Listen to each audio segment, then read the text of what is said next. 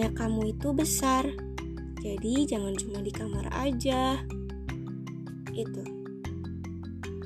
Itu kata-kata yang paling sering keluar dari mulut ibuku setiap kali aku nolak buat diajak olahraga pagi. ya bis gimana aku nggak suka olahraga dan ya menurutku aku tahu dunia ini besar tapi ya kayak terus toh kamarku juga nggak kalah besar dengan ide-ide baru setiap harinya atau hobi-hobi baru setiap harinya. Dan sampai akhirnya hari itu datang. Aku covid. Aduh omikron omikron. Ya bukan salah omikronnya sih jelas-jelas salah aku karena aku sering nongkrong terus ketularan. Oke okay, that was my bad but that's not something I want to talk about. Yang mau aku bahas adalah bahwa aku sadar ternyata kamarku nggak sebesar itu. Terkurung dengan semua hobi-hobiku, semua ide-ideku, tanpa tahu lagi rasanya makan di meja makan sambil berdebat sama bapak, atau cuci piring sambil ngerecokin ibu yang lagi masak, ternyata nggak semenyenangkan itu. Mendadak aku jadi bosen ngelakuin semua hal yang aku suka, marah sama aktivitas yang cuma berpusat di kamar, dan akhirnya aku buka HP. And I found it. Yes, Bumble. I know this is crazy. Maybe for you guys who doesn't know me well, sering banget ngeledekin teman-teman aku yang main Bumble atau dating apps lainnya. Karena dulu aku mikirnya kenapa harus Bumble sih? Kayak kenapa harus cari di sana gitu? Sama orang-orang di lingkungan sekitar aja kita nggak terlalu berinteraksi kan? Terus kenapa harus cari sama yang lebih virtual lagi? Bumble misalnya.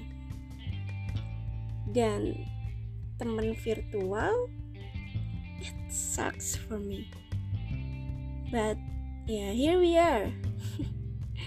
aku mulai swipe kanan, swipe kiri. Ya enggak sih aku jarang swipe kanan karena sejujurnya aku masih takut juga main ini. Jadi aku sebetulnya swipe kanan kalau bener-bener bener-bener bener-bener yakin aja. Ya walaupun tetap aja we don't know who might be honest, but at least I know they might be honest. sampai akhirnya aku ketemu sebuah nama. Hmm, mungkin boleh disebut nggak sih? Nggak usah kali ya. Soalnya dia pakai nama asli. Sebut aja a cute man. Because he's cute. And that's the only thing that caught my attention to swipe him right. And then just boom we match. Fortunately we match and I'm so nervous. Karena pertama kali tuh aku match sama cute man. Geli banget ya sih denger? And I chat him first of course. Buat kalian yang nggak pernah main Bumble jadi pihak cowok itu nggak bisa chat duluan guys. Jadi harus kita yang make a move to start the conversation Terus kayak biasa, I said hello, glad to know you, how are you? And he answered, I'm good, how about you? And blah blah blah blah until we finally called at that night. And yes, I was COVID and I called a man. so setelah beberapa menit callan, aku jadi kenal this cute man about why is he cute and ternyata of course because he's studying in Japan animal world you know. But sekarang dia tinggal di Jakarta sih karena covid yang awal-awal itu inget kan? Yang awal-awal ada covid terus dia jadi harus kuliah online ternyata. Terus aku callan sama dia sambil dia lagi ngerjain uas katanya. Uas apa UTS gitu. Pokoknya intinya katanya dia lagi ujian terus aku balik cerita tentang my recently activity. I know this is scary but at that time I felt like safe to talk like this to him I think. I don't know. I just did. Dan sampailah ke bagian yang paling menariknya, where he told me about his neutral mindset of life. Jadi, long story short, he said that magang di Indonesia is enggak fair. That's why bisa dibilang tanda kutip dia udah jadi pengusaha since he was in high school. Jadi he told me that zaman-zaman dulu tuh waktu dia di high school dia tuh semua mua-muanya tuh dia jualin aku nggak tahu ya gimana explain detailnya karena banyak kata-kata bisnis yang aku nggak ngerti tapi singkatnya dan awamnya itu bilang kayak gini tahu nggak sih timah itu adalah salah satu komponen penting yang bisa bikin tuts di piano itu membal Well, I played keyboard sometimes, so I know how piano works, and that fact was impressing for me. Terus aku bilang, oh iya, cool. Terus dia bilang, iya kayak gitu. Makanya um, waktu itu aku kebetulan punya relasi di mana dia tuh pihak produsen timah. Dan akhirnya aku aku distribusin timah ini ke Yamaha eh sebut merek. Ya ya udahlah nggak apa nggak ada yang denger juga nggak sih?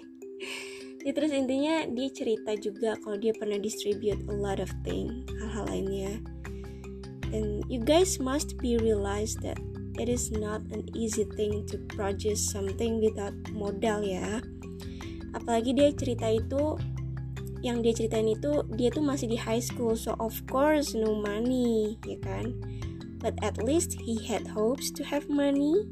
Makanya dia putar otak dan aku nggak tahu gimana caranya dia bisa kepikiran tapi intinya dia kepikiran untuk dapat duit banyak dari mempertemukan company-company ini gitu dan perjuangan dia bolak-balik Jababeka dan Jakarta untuk ngurus segala sesuatunya when he was in high school tuh diceritain semuanya and I just found that this guy is not a kid man anymore. I think he's more to be a modern capital city man. Why? Karena I think my mom was right. This world gak sebatas kamarku aja. Aku aja yang anak Bekasi yang lumayan bisa ngelihat gedung-gedung tinggi setiap harinya, dapat air bersih setiap harinya, sekolah 12 tahun, lanjut kuliah. Udah kayak gini aja, aku tuh masih ngerasa senjang loh with this modern capital city man. I don't have such I don't have that such of mind freedom. I don't. I don't know that I can make money since I wanna make money. I don't know that untuk enggak magang it is still okay because we will have a lot of way to get experience. I don't know that. All I know and what's on my mind selama ini ya cuma aku harus kuliah, magang, dapat nilai yang baik, kerja, hope that big company will be hiring me one day and then marry someone that loves me or love someone that marry me have a children and done. You know kelanjutannya. But not with this man. Not with this modern capital city man. Or maybe another modern capital city man they think different ini bukan kayak yang di fairy tale fairy tale itu ya yang OMG dia sangat pangeran dan dia berbeda maka dari itu aku menyukainya bukan bukan kayak gitu tapi lebih ke how if how if ya banyak another modern capital city man lainnya di luar sana yang mungkin versi Sumatera, versi Papua, versi Kalimantan. And how if mereka ketemu dan saling cerita tentang dua hidup mereka yang pastinya kontras perbedaannya. Gimana? Like, wouldn't that be good? Karena orang-orang kayak modern capital city men itu mostly they don't even know that bahkan di Bekasi itu masih banyak loh anak-anak yang enggak tahu kalau dia tuh punya pilihan untuk sekolah. Kalau dia punya pilihan untuk kuliah. Anak-anak itu cuma paham mungkin tentang gimana caranya biar mereka bisa bantuin orang tua mereka. Cari uang untuk ker dengan kerja atau biayain adiknya. They don't even know that mereka tuh bisa jadi dokter. Mereka tuh bisa jadi pilot. Mereka tuh bisa hidup kayak apa yang mereka lihat di TV they just do not know. That's why they don't do it. So anyway.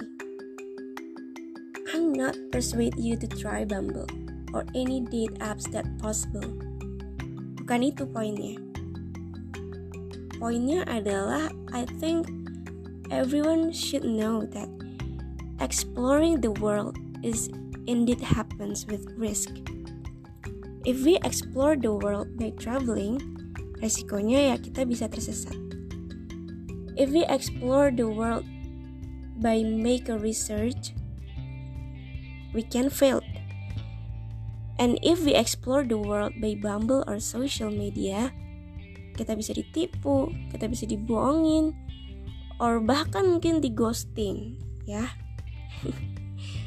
But you know what? We know nothing if we didn't ask, or explore, or try, or take the risk. I'm not gonna say that take a risk is fine at all, but be gentle at risk. That is. Because this world is too huge, too huge. Therefore, your minds must also be the same.